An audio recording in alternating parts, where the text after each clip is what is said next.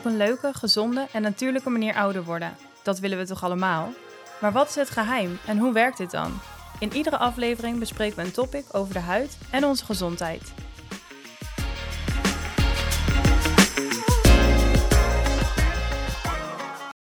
Leuk dat jullie weer luisteren naar een nieuwe aflevering van onze podcast. Vandaag zit ik hier samen met huidtherapeut Marlijn, die jullie al eerder hebben gehoord in de podcast over voeding en hormonen. Fijn dat je er weer bent. Hi, ja, zeker. De titel van de podcast die zegt het eigenlijk al. We gaan het vandaag hebben over rosacea, een indicatie die we veel zien bij ons in de kliniek. En wat direct ook een moeilijke indicatie is, omdat het chronisch van aard is. Wat betekent dat het nooit volledig zal verdwijnen. Dus zullen we maar meteen beginnen met de vraag: wat is rosacea? Ja, ja dat is denk ik ook uh, de belangrijkste vraag. Want uh, nou ja, rosacea is eigenlijk een ontstekingsaandoening uh, in de huid. Uh, vaak zijn de kleine vaatjes ook erbij betrokken. En um, hoe uit het zich nou? Dat is met name door ja, roodheid, soms kleine bultjes, pukkeltjes. en een van de klachten die mensen ook kunnen ervaren is flushing. Uh, en dat betekent dat de roodheid ook heel erg komt en gaat. En dat die ook uh, afhankelijk is van bepaalde omstandigheden van zowel binnenuit als van buitenaf. Oké, okay. en um, de kenmerken die je net al een beetje noemde, zijn dat uh, er zijn ook verschillende types van rosacea. Van 1 tot met 4 kunnen we dat wel zeggen eigenlijk. Kun je daar wat meer over vertellen per type? ja, uh, het eerste type, dat is uh, roodheid die vooral gepaard gaat met vaatjes. Mm -hmm. um, en de vaatjes die kunnen ook aan het oppervlak al gelijk zichtbaar zijn. Dus als je je eigen huid bekijkt in de spiegel, dan kan het zijn dat je dus ook al zichtbare vaatjes uh, ziet lopen. En um, meestal gaat het een beetje samen met een wat meer droge huid voor mijn gevoel. Mm -hmm. uh, en dan heb je ook een uh, tweede vorm van rosacea. En die zie ik in de praktijk vaak iets meer met een gecombineerde tot een wat vettere huid samengaan. En dat is de, het type rosacea wat ook meer gepaard gaat met pukkeltjes um, en, en ja, puistjes. Ja. Uh, en dan heb je een derde vorm van rosacea en die zien wij hier eigenlijk wel wat minder. Dat is een vorm die ook gepaard gaat met veranderingen in de neus. Ja. Uh, vooral roodheid, maar ook uh, ja, een, een, verandering van de structuur van de neus. De huid wordt vaak een beetje bobbelig. En uh, de laatste vorm die slaat vooral op de ogen. Oké, okay. en is het ook nog zo dat bepaalde vormen juist meer bij mannen of meer bij vrouwen voorkomen? Um, nou, de variant met de afwijking bij de neus, die zien we met name bij mannen. En de andere varianten voor mijn gevoel wat meer bij vrouwen, maar dat zou ook nog wel wat gelijk verdeeld kunnen zijn. Ik heb sowieso het idee dat vrouwen wat sneller aan de bel trekken, maar ik heb zeker ook wel mannen onder behandeling met rosacea. Ja. ja, dat is denk ik ook wel een belangrijk punt, dat we meer vrouwen zien, omdat ze het waarschijnlijk wat sneller aangeven. En wat is nou eigenlijk de oorzaak? Um, ja, de oorzaak is niet helemaal bekend eigenlijk. Dus uh, er ja, is natuurlijk al wel het een en ander onderzocht. En uh, er zijn een aantal dingen die sowieso uh, ja, een beetje in verband worden gebracht. En een van die dingen is in ieder geval de Demodex-meid. Um, en dat is een uh, meid, een van de micro-organismen in je microbioom van je huid. Die bij rosacea vaak wat um, ja, overgroeid is, dus wat meer voorkomt als bij andere mensen. En dat zou mogelijk een oorzaak, maar ook eigenlijk een gevolg kunnen zijn. Dus dat ja. is ook niet helemaal zeker. Ja, het klinkt altijd meteen een beetje eh, gek, een meid. Maar ja, ja, dat er toch een soort van beestje over je huid uh, loopt. Maar goed, dat is natuurlijk normaal. Het, ja, dat is normaal. Oké, okay, maar dat is dus iets wat, wat wordt gezien, hè? maar we weten dus eigenlijk niet, is dat nou de oorzaak of is het het gevolg? Uh, dus daar kunnen we eigenlijk nog steeds niet heel veel over zeggen. Nee, nee. En nou, wat we wel zien is dat het uh, meer voorkomt bij een lichte huid. Uh, ja. Al vraag ik me daarbij soms ook alweer af van is het niet zo dat bij een lichte huid ook gewoon meer opvalt? Ja. Um, dus ja, dat is ook nog wel een best wel interessant punt, denk ik. Um, en uh, ja, ik zie het ook heel erg op verschillende leeftijden. Want ik heb soms ook echt wel jonge patiënten, maar ook zeker wel oudere patiënten die het toch vrij plotseling krijgen. Uh, dus ja, ook daar, uh, er is niet per se een specifieke fase in het leven dat het dan uh, ontstaat. Nee, want er, naar mijn idee werd er een aantal jaren geleden wel vaker benoemd dat het een soort vorm van acne is die op latere leeftijd ontstaat, zo rond de dertigste. Um, maar eigenlijk zien we in de praktijk dat een, een lichte vorm vooral eigenlijk al wel eerder start. Ja, ja. En um, het wordt soms ook wel een beetje verward met acne. Ja. Uh, dus uh, dan komen er mensen hier ook soms op consult uh, bij, ja, waarbij gedacht wordt dat ze dan acne hebben. Maar dan zien we eigenlijk ook een beetje dat rosacea terug in de huid. Ja, en kunnen we daar misschien op iets dieper op ingaan? Van hoezo lijkt het zo op elkaar? Wat is het verschil met acne en iemand met rosacea? Uh, ja, zeker die vorm waarbij dus de rosacea gepaard gaat met pusteltjes en ontstekentjes, puistjes. Ja, dat kan best wel op acne lijken. Ja. omdat er inderdaad dus ook nou ja, echt pukkeltjes kunnen op de huid zichtbaar kunnen zijn. Mm -hmm. um, en ja, ik weet niet hoe jij dat vroeger deed, maar als je een pukkeltje had, zeg maar, zeker, nou ja, als je, als je dan heel jong bent, dan wil je vooral dat die huid uh, zo snel mogelijk dat pukkeltje weer uh, geneest. En dan ga je dat lekker uitdrogen. Mm -hmm. En ik denk dat, dat dat dan ook het moment is dat als je wel echt rosatie hebt, dat je dan een beetje merkt van oké, okay, maar dit werkt niet. Nee, dat het niet beter wordt daarna. Ja, ja dus die huid die uh, is juist ook heel erg gebaat bij een andere behandeling als, als het echt om acne gaat, wat vaak weer meer ook bij een vettig huidtype past. Ja, en um, hoe kun je dat ook eigenlijk zien bij rosacea en bij acne? Wat zijn verder de dingen die iemand bijvoorbeeld bij acne wat we wel zouden aanraden, wat we bij iemand bij rosacea juist niet zouden aanraden? Um, nou ja, bij acne uh, gaan we ja, best wel snel over tot behandeling met peelings. Ja.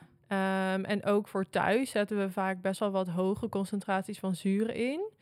En bij rosacea ja, is dit denk ik niet heel erg handig. Sommige huiden zullen het op een gegeven moment wel aankunnen. Ja. Maar zeker aan het begin wil je toch voorzichtiger te werk gaan. En wil je eerst kijken hoe sterk is die huid nou. Um, en uh, die moet je vaak eerst eventjes opbouwen in, in barrière en in, in ja, hoe sterk is de huid.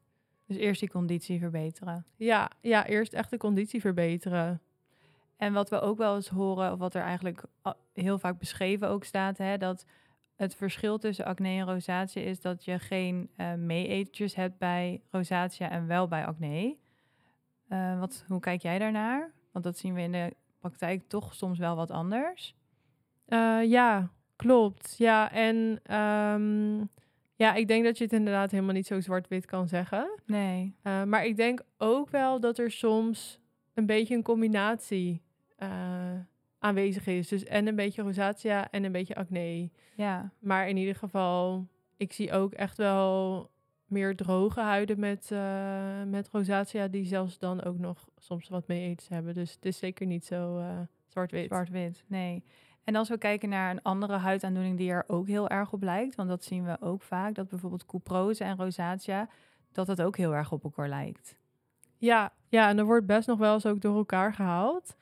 Uh, maar couperose, um, ja, dat komt ook heel veel samen voor. Couperose, dat zijn dus echt die zichtbare vaatjes. Dus dat hoort ook weer een beetje bij dat eerste type rosacea. En um, uh, dat ja, dat kan dus ook een beetje met elkaar verward worden. Dat is eigenlijk heel logisch. Ja. Uh, maar bij rosacea heb je ook meer die, die flushing dan dus erbij. Dus die, die opkomende roodheid. Vaak is de roodheid ook wat ja, egaler en wat meer verspreid. En uh, ik denk ook dat rosacea vooral herkend kan worden aan hoe het soms voelt. Want mensen hebben best wel vaak een beetje een gevoelige huid die een beetje branderig voelt of een beetje prikt. Ja. En dat heb je bij couperose in principe niet. Nee, en als je dan gaat kijken, um, nou, er zijn een aantal triggers bekend uh, bij rosacea. Die gaan we uiteindelijk ook altijd uitvragen natuurlijk bij, als iemand bij ons op consult komt. Die missen we eigenlijk ook bij acne en, sorry, acne en uh, couperose. Ja, ja, zeker. Want uh, couperose ja, verandert in principe niet in hoe het eruit ziet. Ja. En eh, ja, acne op een bepaalde manier wel. ja. Maar niet zo vluchtig als dat bij rosatie is. Bij rosatie kan je echt, zeg maar, thuiskomen eh, na een drukke dag en denken, jeetje, wat ben ik ineens rood? En dan de volgende Ja. ochtend opstaan en dan is alles weer weg. ja, dus die flushing is echt dat egale rode, die egale rode huid eigenlijk, die je dan ziet. Ja, ja. En dus, het gevoel, wat daar dan ook nog bij komt kijken. ja, ja, dat gevoel inderdaad ook. En, en wat zijn bijvoorbeeld triggers voor rosatia? Eh, ja, je hebt er best wel veel. Ja, En ehm, nou ja, ik denk dat de meest bekende zijn de weersveranderingen. mhm. Dus eh, mensen die eh, erg last hebben van rosatia kunnen dat ook heel erg merken bij hele zonnige dagen, maar ook bij dagen dat het heel winderig is. Ja. Ehm, en eh, heel erg kou is vaak ook niet heel lekker.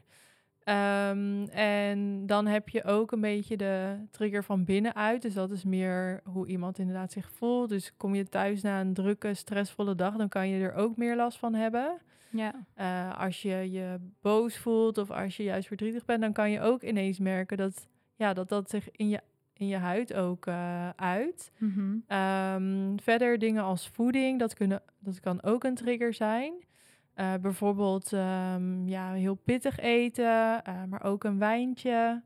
Ehm, en mis ik dan iets?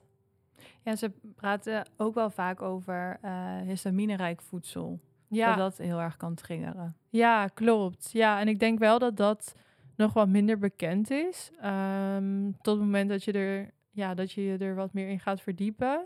Want histamine is een stofje in het lichaam die eigenlijk roodheid vooral heel erg opwekt. Ja, Ehm, en eh, dat wil je Eh, juist niet. wil je juist niet. Nee. nee, en er zijn best wel wat voedingsmiddelen die zelf al veel histamine bevatten. Eh, maar er zijn ook voedingsmiddelen die histamine in het lichaam oproepen. Mhm. Ehm, dus er zijn ja, best wel wat verschillende dingen die je ja, qua voeding ook als trigger kan zien. En hebben we wat voorbeelden? Ja, zeker. Eh, als je dan gaat kijken naar voeding die rijk is aan histamine, ehm, dan is dat bijvoorbeeld eh, oude kaas eh, of schimmelkaas, Ehm, maar ook noten, vis die niet vers is, wat bepaalde groenten zoals bijvoorbeeld spinazie of zuurkool. En dat zijn allemaal dingen waarbij je dat niet per se heel erg zou verwachten. Ja, en zeker als je denkt bij spinazie, zuurkool en noten, dan denk je eigenlijk ook, ik ben super gezond bezig. Maar voor mij, of iemand die bijvoorbeeld rosatia heeft op dat moment, die, eh, voor die persoon is het helemaal niet zo goed om dat te eten. Nee, klopt. Nee, dus ehm, ja, soms hoor je dan ook mensen en die denken dan dat ze heel gezond bezig zijn. Dan maken ze bijvoorbeeld iedere ochtend een, eh, een smoothie met spinazie. Ja, En dat is dan eigenlijk niet heel handig. nee, je moet het ook maar net weten. Ja, ja. En dan heb je dus inderdaad ook eh, voeding die het een beetje meer kan eh, uitlokken. Dat het in het lichaam wordt aangemaakt.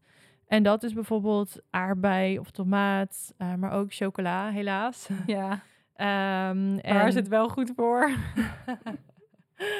Chocola is wel antioxidant. ja, puur. Oké, alleen puur. ja, maar goed, het is dus wel ehm, ja, iets wat je dan ook terug kan zien in je huid als je chocola hebt gegeten. ja. En zijn er dan ook producten of voedingsstoffen die je zojuist wel goed kunnen eten? Die juist dat histamine verlagen in het lichaam? Ehm, ja, er zijn wel bepaalde voedingsstoffen ja, die dat juist verlagen, inderdaad. En dan kan je denken aan eh, onbewerkte vis, eh, verse vis, eh, maar ook peulvruchten, eh, zaden en oliën. ehm, en heel veel verschillende soorten fruit en groenten.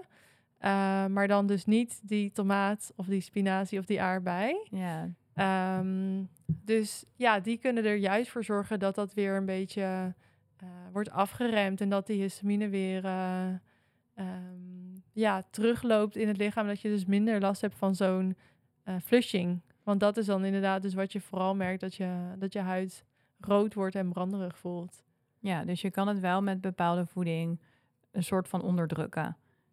Ja, Ja, en, en ik denk dat dat ook nog wel een beetje persoonlijk is. Want de een zal meer op het een reageren en minder Ja. op het ander. Ehm, maar dat is dus ook een kwestie van soms ja, dingen uitproberen. Een tijdje even weglaten uit je dieet. En dan weer eh, opstarten. Zodat je ook weet van ja, waar reageer ik dan zelf op. Ja, waar ga ik wel goed op, wat reageert niet goed. Maar we kunnen dus wel een soort van zeggen, stel je ehm, wil kijken naar histamineverlagend voedsel, dan kun je bijvoorbeeld zeggen in de ochtend, eh, wanneer je iets eet, bijvoorbeeld havermout of eh, een plantaardige yoghurt, dat je dan beter kan, kan gaan voor de zaden dan voor de noten. En in, tijdens de lunch bijvoorbeeld een lekkere salade, dat je dan de aardbeien en de tomaten vervangt voor een komkommer en een paprika bijvoorbeeld. Precies. Oké. Ja. Er zijn gelukkig nog heel veel opties. Ja, ja, en soms lijkt het dan heel lastig als je dan iets ja, moet vermijden, zeg maar. Eh, maar vaak zijn er ook zoveel ja, goede en lekkere alternatieven dat het ook alweer eh heel goed te doen is. Ja, dat is ook zo. En als we kijken, nu hebben we het heel erg gehad over voeding. Ehm, en als we kijken naar skincare, want dat is ook een belangrijk punt natuurlijk. Wat kun je het beste wel gebruiken, wat beter niet? Ja, ja skincare eh, is zeker belangrijk. We hadden het net al heel even over natuurlijk. Als je ja, te heftig gaat behandelen, dat wil je bij rosacea eigenlijk absoluut niet. Want ehm, nou ja, is al een huid die van zichzelf een stuk gevoeliger is. En eh, als je er dan van buitenaf ook nog extra irriterende werkstoffen aan toevoegt, dan eh, heb je meestal nog meer last ervan. Ja, Uh, dus dan kan je bijvoorbeeld denken aan geurstoffen, zowel natuurlijk als synthetisch, dus parfum in je product. Maar ook producten met lavendel bijvoorbeeld. Ja, ik Ja. zou dat zeker afraden. ja, dat kan natuurlijk ook weer heel erg irriteren. Ja, ja en, en dan ehm, eh, alcohol, Ja. eh, wat heel erg kan uitdrogen. Dat wil je liever ook niet in je product hebben. Ehm, en ik denk ook dat, eh, dat dat ook weer iets is dat je moet opbouwen. Dus aan het begin is je huid vaak heel erg gevoelig. En als je dan eh, eh, met behandelingen of met producten gaat starten, dan kan dat ook wel weer wat beter worden. En dan kan een huid inderdaad vaak wel weer meer hebben. Ja, en eigenlijk is het dus zo, want wat je toen straks al zei, van je begint mild om die huidconditie heel erg te verbeteren, de huidbarrière, om uiteindelijk misschien wel een stapje verder te kunnen zetten, om misschien wel wat eh, lichte zuren te gebruiken. Is dat iets wat, wat mogelijk is? Eh, ja, vaak wel. En zeker als er ook ehm, droogte aan de huid is of als er pukkeltjes zijn, dan is het vaak wel heel mooi om uiteindelijk ook met zuren te gaan werken. Ehm, maar het is wel iets wat je inderdaad even rustig moet eh, opstarten. En wat voor zuren zou je dan het liefst bij een rosacea gebruiken? Want ik kan me voorstellen dat je niet alle zuren eh wilt toepassen.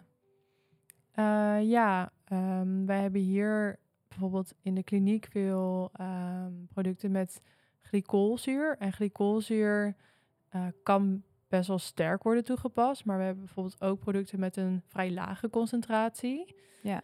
En eh, bijvoorbeeld een, een reiniging met 5%.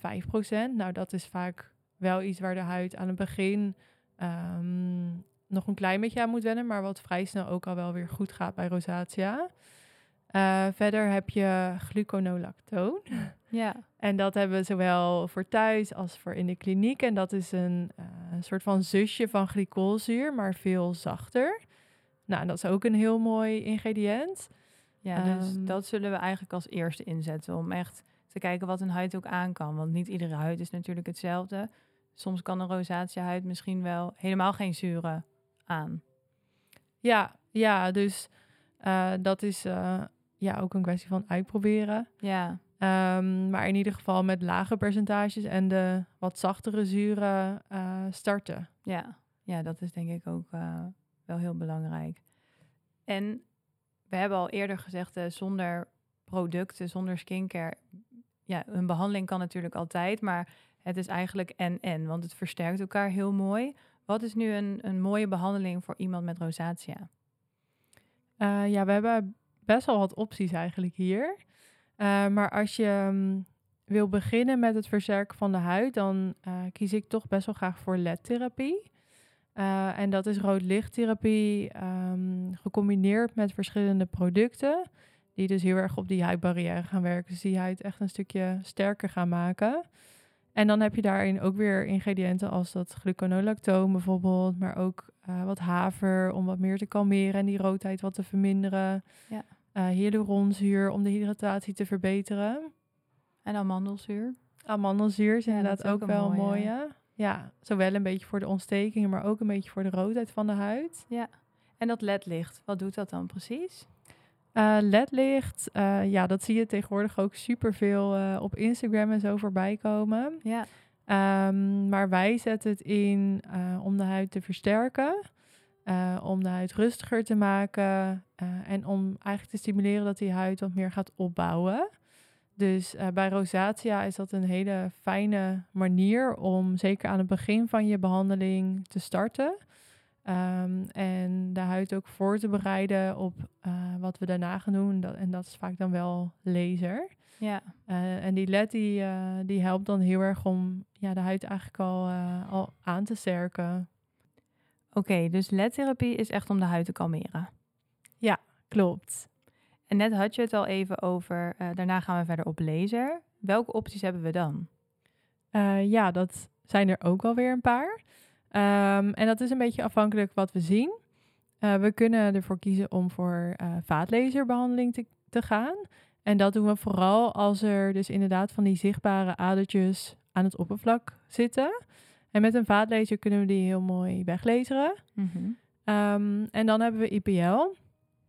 En IPL is ehm, om wat meer op de diffuse roodheid te werken. Dus ehm, roodheid die wat egaler is eh, en wat minder is opgebouwd uit zichtbare vaatjes. Dat doen we met IPL. Eh, Mhm. Flushing ook wel, al is flushing soms iets lastiger omdat het een beetje komt en gaat. Ja. Ehm, en dan hebben we ook nog de optie om voor de Erbium Glass laser te gaan. Vind ik ook altijd heel erg mooi wel. Ehm, en de Erbium Glass is eigenlijk ook een manier om die huid sterker te maken. Ehm, omdat dat wat meer op het collageen werkt, ga je de huid eigenlijk wat eh, sterker maken in zijn ja, huidlagen. Ja. Waardoor roodheid ook minder opvalt. En rosacea kan soms ook een beetje een andere structuur geven aan de huid. Soms een beetje, ja, toch wat kleine bultjes, eh, toch een beetje poriën. En de 1540 die werkt er ook heel erg mooi op. Eh, dus zo zijn er eigenlijk nog best wel wat, eh, wat opties. Ja, en de 1540 is hetzelfde als de Urium Glass laser dan voor de luisteraars. even. Ja, klopt. Ja. En ehm, we horen het wel vaker hè, als iemand dan komt voor een behandeling. Voor ons, ja, wij weten het, wij leggen dit altijd heel vaak uit. Hoeveel behandelingen heeft iemand nodig? Is dat te zeggen? Want het is niet één behandeling. Ehm, nee, nee, dat verschilt ook wel, vind ik. En dat is een beetje afhankelijk met hoe komt iemand binnen en hoe ziet het er op dat moment uit. Ehm, meestal geef ik aan dat we in ieder geval beginnen met vier tot zes behandelingen. Ja. En daar zit dan gemiddeld vier tot zes weken ook tussen. En ehm, daarna hou ik er zelf sowieso van om weer eventjes, nou ja, te evalueren, weer foto's te maken en samen te kijken van, ja, waar staan we Eh, en eh, hoe is de huid verbeterd en wat is er nog wat er eh, in de toekomst nog verbeterd mag worden. En ehm, als we zien dat het dan op dat moment heel goed gaat, dan kunnen we ook over onderhoud. Omdat rosacea chronisch is van aard, is onderhoud vaak wel nodig. En dat kan bijvoorbeeld één, twee of drie keer per jaar zijn dat je dan eh, nog, nog een behandeling doet om het ook bij te houden. Ja, ik denk dat dat heel goed is. Zeker omdat er zoveel opties zijn qua behandelingen. Dat het misschien na drie of vier behandelingen al wel wat eh, veranderd moet worden. Omdat de ene huid de ander niet is. En dat er dan misschien van een peeling al wel eerder met een laser gestart kan worden. Of andersom, dat het veel langer moet met bijvoorbeeld alleen ledtherapie en peelings. Ja, ja, en het is ook een beetje afhankelijk van ehm, wat eh, is de periode waar we in zitten. Want bijvoorbeeld in de zomer doen we minder met IPL, omdat het Ja. wat meer risico geeft eh, op het moment dat de huid gebruind is. Ehm, dus ook daar is het een beetje van afhankelijk. Ja, en eigenlijk wil je in de zomer er juist ook voor zorgen dat die rosacea zo rustig mogelijk blijft. Ja, ja, en dan is dus dat, dat kalmeren en dat sterker maken ook weer heel erg fijn. En dat doen we dan dus weer met de LED. Ja. Nou, het zijn in ieder geval ehm, heel veel opties die we kunnen gaan doen. Ja, zeker. Oké, we hebben het dus gehad over skincare, hoe belangrijk dat is. Uh, de behandelingen die daarbij komen kijken, uh, voeding en de oorzaak uh, van de demodex meid, daar hebben we het over gehad. Zijn er nog dingen die we nu niet hebben besproken? Um, ja, en dan gaan we toch weer heel even terug naar voeding. want als je gaat kijken naar rosacea, is dat natuurlijk een beetje een, een ontstekingsreactie in de huid. En dat heeft ook heel erg te maken met dat microbioom. Um, maar dat microbioom is ook iets wat uh, je terugvindt in de darmen. Je darmen hebben ook een eigen microbioom.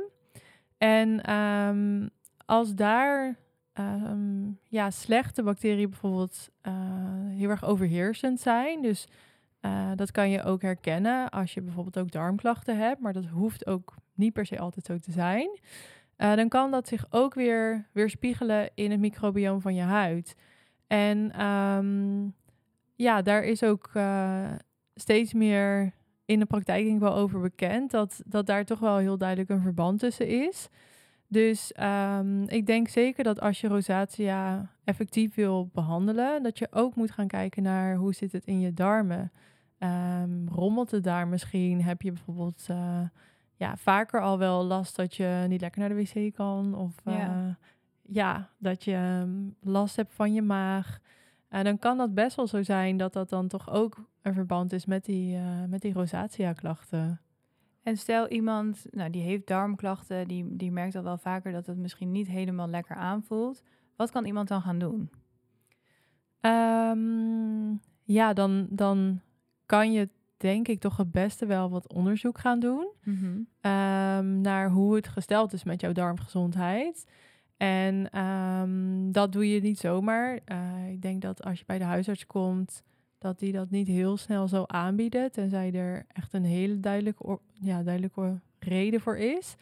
Uh, maar je hebt wel veel andere mensen die je daarbij kunnen helpen. En wij zijn daar ook mee aan het opstarten. Mm -hmm. um, maar ik denk dat je dan toch ja, sneller bij een orthomoleculaire therapeut ook terechtkomt. Ja. En um, het beste is dan als iemand echt op basis van ontlastingsonderzoek gaat kijken hoe het inderdaad gaat met jouw darmmicrobioom. Want dat is dus wel te onderzoeken. Ja. En op basis van die uitzagen kan je bijvoorbeeld uh, je voeding aanpassen of um, nou ja, supplementen bijslikken. Uh, om op die manier ook van binnenuit rosacea aan te pakken. Ja, ja ik denk dat dat um, ook wel echt een hele mooie aanvulling is. Want ook zien we natuurlijk wel, um, stel, er zijn natuurlijk mensen die echt alles geprobeerd hebben. En um, uiteindelijk dan toch willen kijken van, is er misschien medicatie die dit toch op een betere manier of snellere manier kan oplossen? Um, verwijzen we dan ook door naar bijvoorbeeld een huisarts? Als iemand dat graag wilt. Uh, ja, zeker. soms is dat iets waar je ook al mee kan beginnen. Mm -hmm. als uh, ja, patiënten met heel erg ja, acute of chronische klachten binnenkomen, dan kan daar wel mee gestart worden. En um, ja, ik, ik heb wel zelf soms het gevoel dat uh, medicatie, en dan is het heel erg afhankelijk van wat het is, dat het soms ook wel vooral voor een tijdelijke verbetering zorgt. Dus ja. uiteindelijk moet je inderdaad wel ook gaan kijken van hoe kan ik het op de lange termijn verbeteren van binnenuit en van buitenaf. Uh, maar medicatie uh, is een manier om, uh, om het aan te pakken. Ja, en dan is het daarnaast natuurlijk nog steeds heel belangrijk om dan wel milde producten te gebruiken waar we het over gehad hebben. En die triggers te voorkomen, zoveel mogelijk te proberen te voorkomen. En te letten op voeding, omdat uiteindelijk ja, iemand zo compleet mogelijk eigenlijk het kan verminderen. Of ja. rustig kan houden. Ja, ja, het heeft natuurlijk wel een chronisch karakter. En uh, ik denk ook wel een beetje het karakter dat, uh, zeg maar, de mate waarin het begint vaak best wel ja, wat minimaal is. Maar het kan dus wel uiteindelijk ook erger worden. Dus uh, om dat ook een beetje te voorkomen, is het wel mooi om, nou ja, ook inderdaad een behandeling op te starten, zowel van binnenuit als van buitenaf. Ja, en volgens mij gaan we nu ook bijna naar de gouden tip van de huidtherapeut van vandaag. Want wat is jouw gouden tip voor mensen die uh, helaas last hebben van rosatia, om ervoor te zorgen dat ze um, zo min mogelijk klachten hebben? Ja, um, dat is dus uh, als je je herkent bijvoorbeeld in, in dit soort klachten. Of als je zelf twijfelt van, um, ja, wat is er met mijn huid aan de hand? Uh, kom bij ons langs. Uh, want wij kijken heel graag met je mee en we kunnen vaak ook wel de eerste signalen van rosatia herkennen. Ja. En hoe eerder je begint met het gezonder maken van jouw huid, hoe meer je ook kan voorkomen. Ja, en je kan natuurlijk ook heel veel zelf al opzoeken, gelukkig, hè, op, op internet. Welke klachten, om klachten te herkennen, om te kijken wat je kan doen. Maar tijdens een consult kijken wij natuurlijk ook echt met je mee en gaan we ook echt doorvragen op dingen hoe uh, iemand leeft en wat daar misschien aan verbeterd kan worden. Ja, ja, en het internet is ook wel weer een valkuil. Want zeker. Ja, soms zie je daar zoveel informatie dat het ook wel heel lastig is om dat dan ja, voor jezelf te filteren. Ja. Ja, ik denk dat dat een hele mooie tip is. En inderdaad, iedereen is hier zeker welkom. Um, dankjewel allemaal voor het luisteren. En we hopen dat jullie het een leuke aflevering vonden. Volgende week staat er weer een nieuwe aflevering met een nieuw onderwerp online. Dankjewel Marlijn. Graag gedaan. Doei doei.